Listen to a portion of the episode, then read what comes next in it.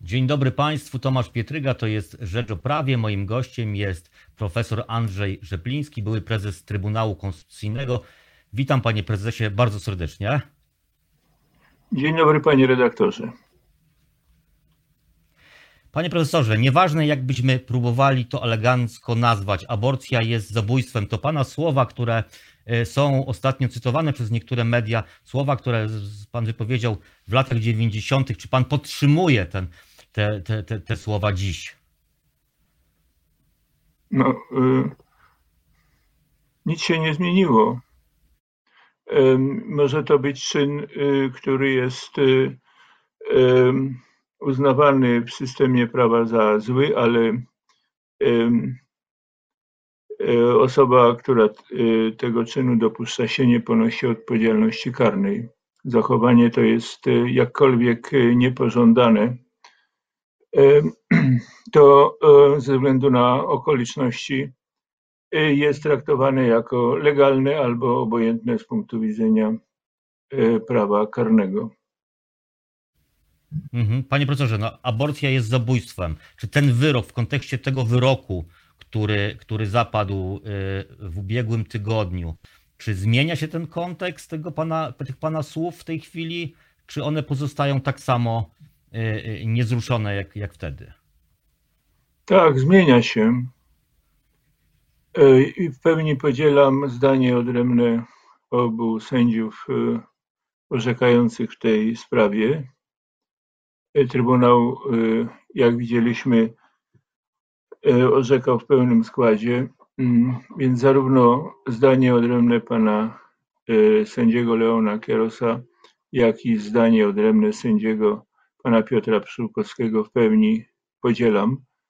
E, ten wyrok e, oznacza, e, że w tym zakresie, który regulował kwestionowany przez grupę posłów wniosek do Trybunału Konstytucyjnego,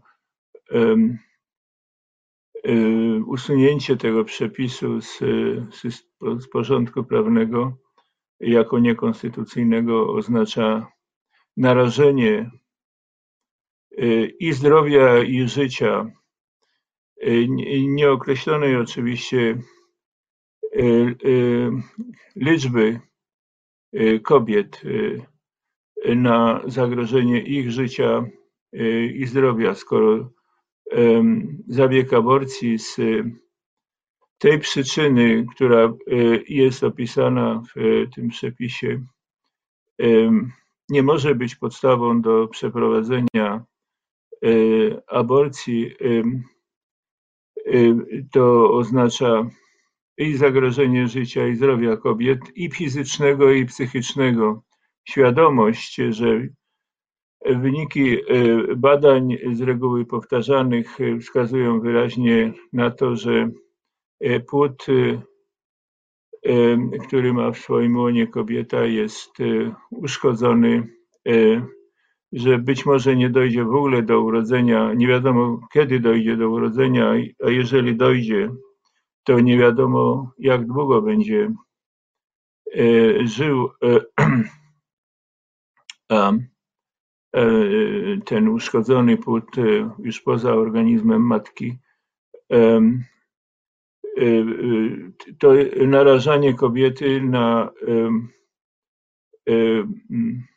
na cierpienie trudne do wyobrażenia przez ten cały okres od stwierdzenia tych wad wrodzonych płodu, e, aż do końca ciąży na e, olbrzymie napięcia i cierpienia psychiczne, e, które bez wątpienia można nazwać nieludzkim postępowaniem,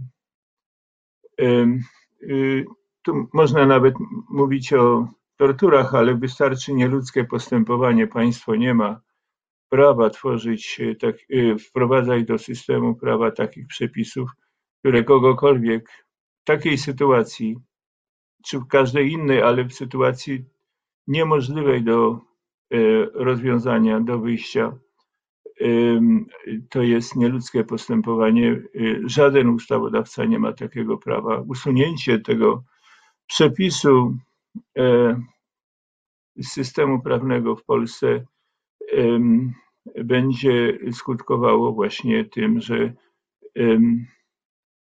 według, tu nie chcę się posługiwać statystykami, bo w zależności od tego, kto te liczby ogłasza, one są bardzo różne. Każdy z nas, każdy człowiek, każda kobieta w takiej sytuacji jest swoistym uniwersum i jej sytuacja, jej wola powinna być respektowana. Tym bardziej w takich przypadkach, w których te wady wrodzone płodu zostały stwierdzone poza wszelką wątpliwością, bo przy pomocy przecież wyrafinowanej elektronicznej aparatury. Panie profesorze, zwolennicy tego, tego orzeczenia podnoszą jednak po pierwsze no, jasny zapis Konstytucji mówiący o ochronie życia od momentu poczęcia. Podnoszą również argument taki, że żadne badania nie dają stuprocentowej pewności, a nawet ta przesłanka eugeniczna może być wykorzystywana również w stosunku do dzieci, które rodzą się z wadami, ale jednak mogą żyć. Mówię tu na przykład o dzieciach z zespołem Downa. Jak pan te argumenty tej drugiej strony ocenia? Konstytucja nie używa pojęcia od chwili poczęcia. Mówi o tym, że zdrowie i życie każdego człowieka jest chronione w Rzeczypospolitej Polskiej. Przypadki, to, że się w granicach tego prawa rodziły dzieci z zespołem Downa wskazuje, że ten przepis dobrze funkcjonował. To w końcu matka ma zdecydować, czy po stwierdzeniu wady genetycznej dziecka i to, że ono będzie miało ten zespół, ona chce to dziecko urodzić, to jest jej absolutnie suwerenne prawo i, i wtedy rodzi. Są kobiety, które uważają, że nie będą w stanie udźwignąć ciężaru urodzenia i potem zajmowania się wychowania takiego dziecka.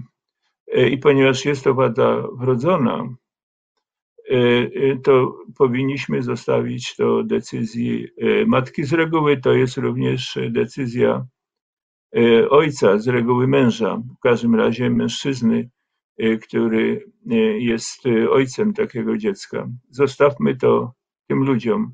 Dla nich zawsze jest to bardzo trudna decyzja i nie pogarszajmy ich sytuacji aż do takiego punktu, w którym musimy mówić o tym, że nieludzko tworzymy prawo, które stwarza nieludzką dla nich sytuację, dylemat, który zapętla ich między podporządkowaniem się posłuszeństwie, bycia posłusznym prawu, aż do decyzji, że jednak aborcja zostanie przeprowadzona. To kobieta... panie, panie prezesie, panie, pre, Panie prezesie, ale tak. stało się i mamy, mamy wyrok i, i, mamy wyrok Trybunału Konstytucyjnego. I teraz pytanie jest, czy on jest już ostateczny? Czy można znaleźć w tej chwili jakieś rozwiązanie wyjścia z tej sytuacji z, z uwagi właśnie na te e, potężne e, niepokoje społeczne, jako ten, jaki ten wyrok wywołał? Czy jest e, Pana zdaniem jakaś ścieżka wyjścia, ścieżka, która byłaby właściwie dla wszystkich do, do przyjęcia? Y, między Polakami został w ostatnich pięciu latach wykopany tak szeroki i głęboki i obetonowany rów pancerny, że bardzo trudno będzie, szczególnie w takiej sprawie, y, znaleźć rozwiązanie, y, które będzie w miarę satysfakcjonowało obydwie strony, po obydwu stronach tego rowu pancernego, który od słynnego okrzyku na Westerplatte, tu gdzie my jesteśmy, to stała Solidarność, a tam gdzie oni stoją, to stało ZOMO, czy stoi ZOMO. Od tego się zaczęło to dzielenie Polaków e, i rezultaty tego dzisiaj obserwujemy.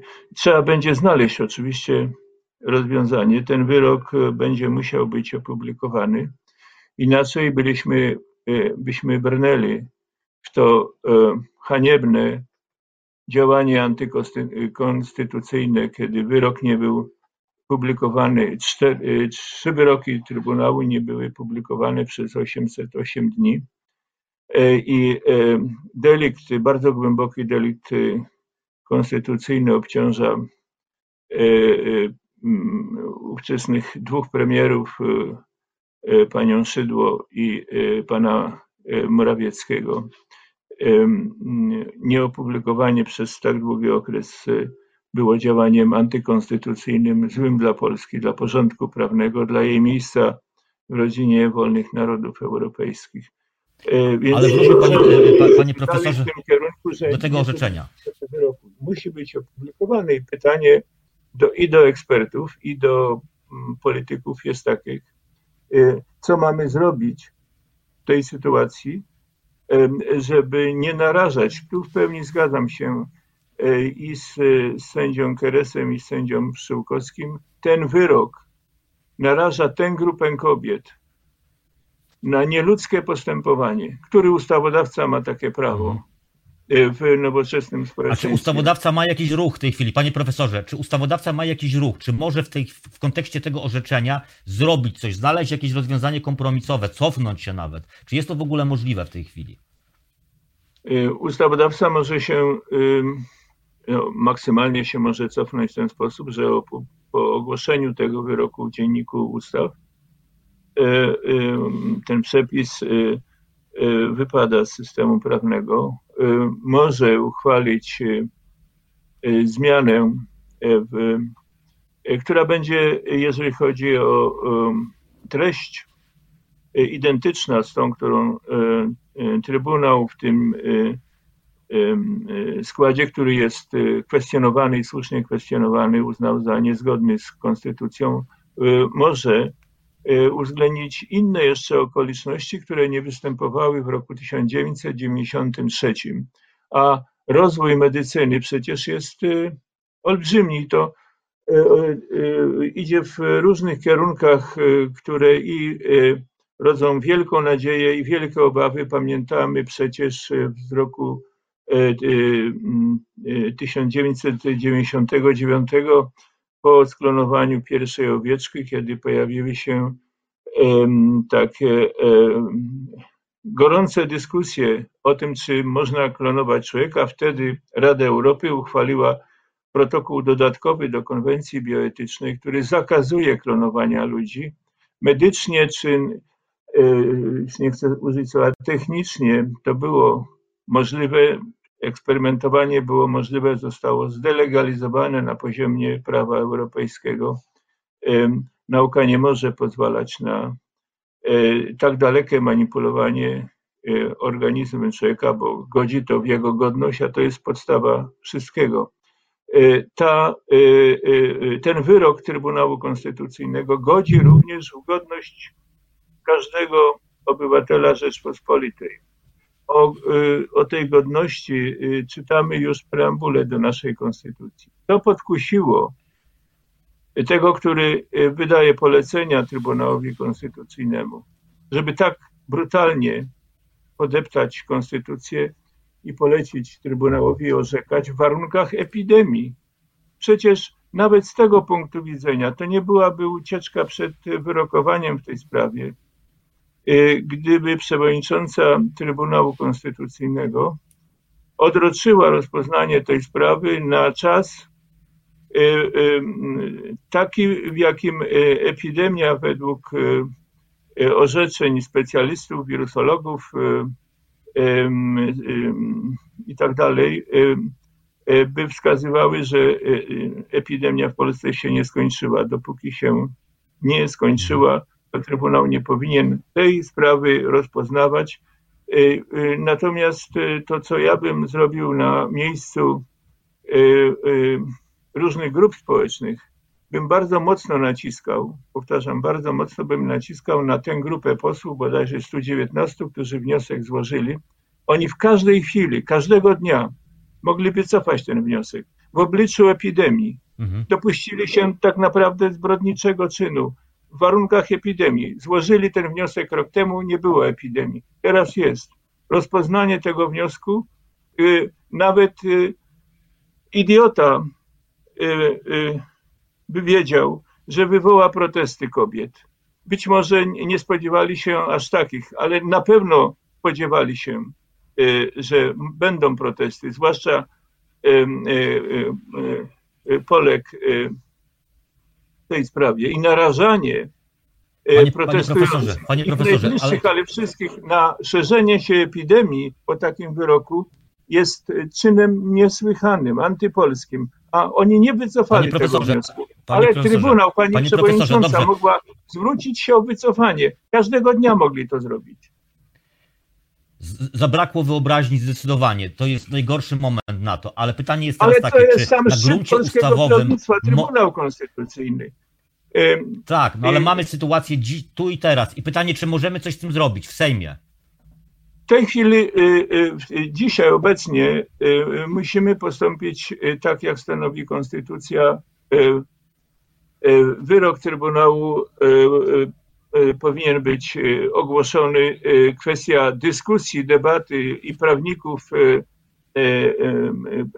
w różnych zespołach, także polityków, Myślę także o zespole doradców konstytucyjnych marszałka Senatu. Powinien poważnie się zastanowić, co należy zrobić i jak to należy przeprowadzić. Bez wątpienia to musi być akt ustawodawczy, skoro Trybunał swoim wyrokiem usunął ten przepis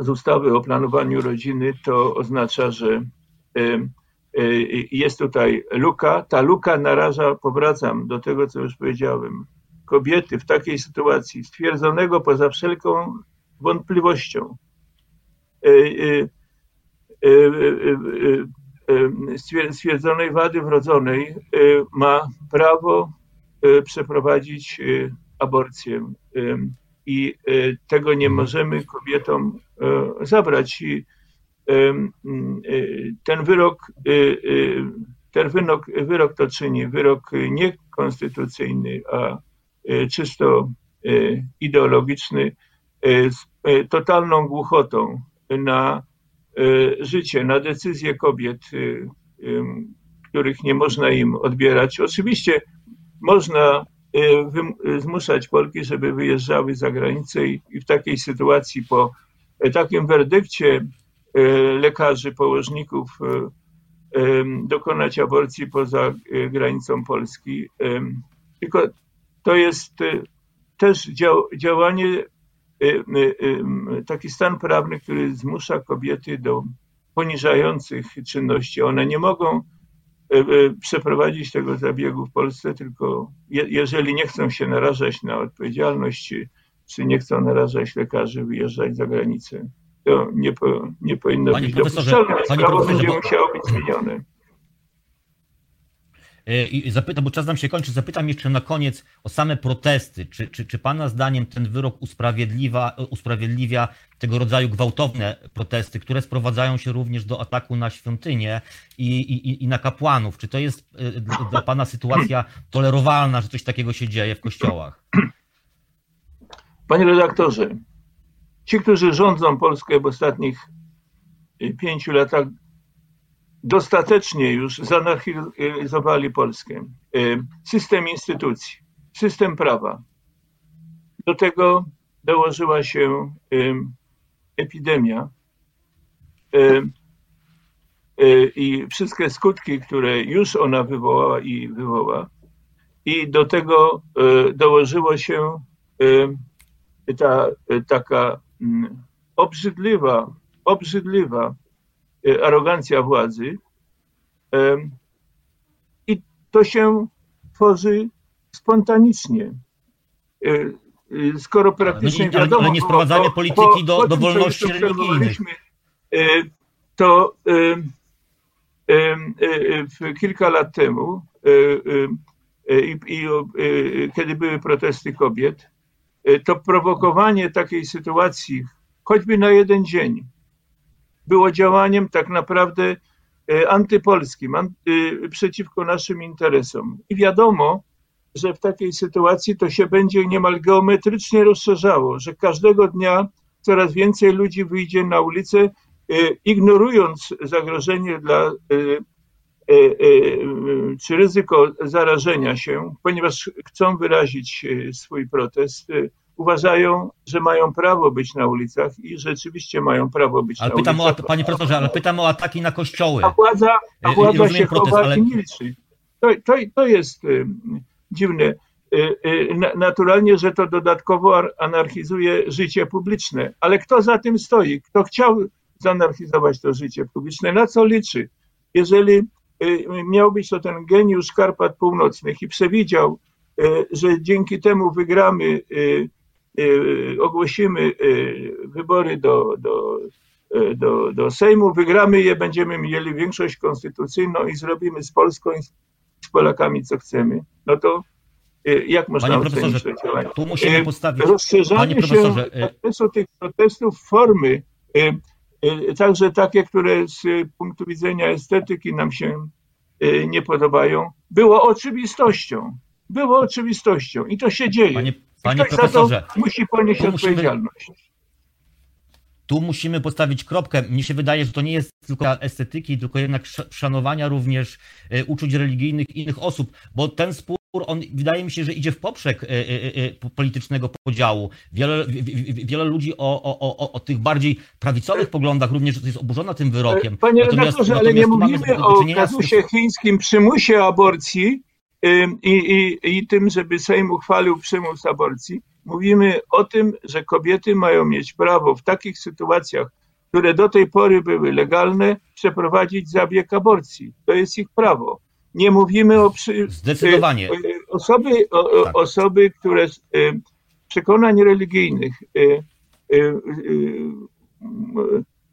mimo zagrożenia także zdrowia, a także nawet życia kobiety, taka matka, która zdecyduje się mimo wszystko na urodzenie, nie może być naturalnie narażona na to, że policja ją bierze pod pachy, wywozi do szpitala i tam przymusowo ktoś dokonuje na niej aborcji, bo y, y, dziecko, które ma urodzić, y, w, swoim rozwoju wyraźnie to wskazuje, że nie będzie miało serca, że nie będzie miało główki, bo y, takie przypadki są przy, przytaczane i ona to musi urodzić.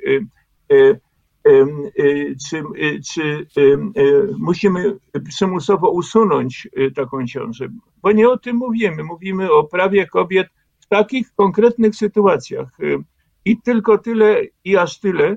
I za to anarchizowanie życia publicznego, także na ulicach, odpowiadają ci politycy, którzy tę decyzję, tę decyzję podjęli, bo y, y, to, że Trybunał Konstytucyjny nie jest instytucją absolutnie odrębną e, i absolutnie niezależną, zgodnie z treścią Konstytucji, no to wszyscy wiemy. Em, e, I e, być może to jest właśnie taki, e, jak niektórzy mówią patetycznie, moment konstytucyjny. Być może jest to moment konstytucyjny, że e, także przepisy regulujące pozycję Trybunału Konstytucyjnego e, e, powinny być zmienione, wzmocnić pozycję tego Trybunału przez e, choćby profesorze, panie jego, jego składu, a nie kończyć. wprowadzanie tam kończyć. osób typu pan Piotrowicz Mhm. czy pani Pawłowicz. Panie profesorze, musimy kończyć. Bardzo dziękuję za rozmowę. E, Profesor Andrzej Rzepliński, były prezes Trybunału Konstytucyjnego, był moim gościem, a ja zapraszam na rzecz o prawie w czwartek na godzinę 10. Dziękuję Ja panie dziękuję. profesorze jeszcze raz za rozmowę. Dziękuję bardzo.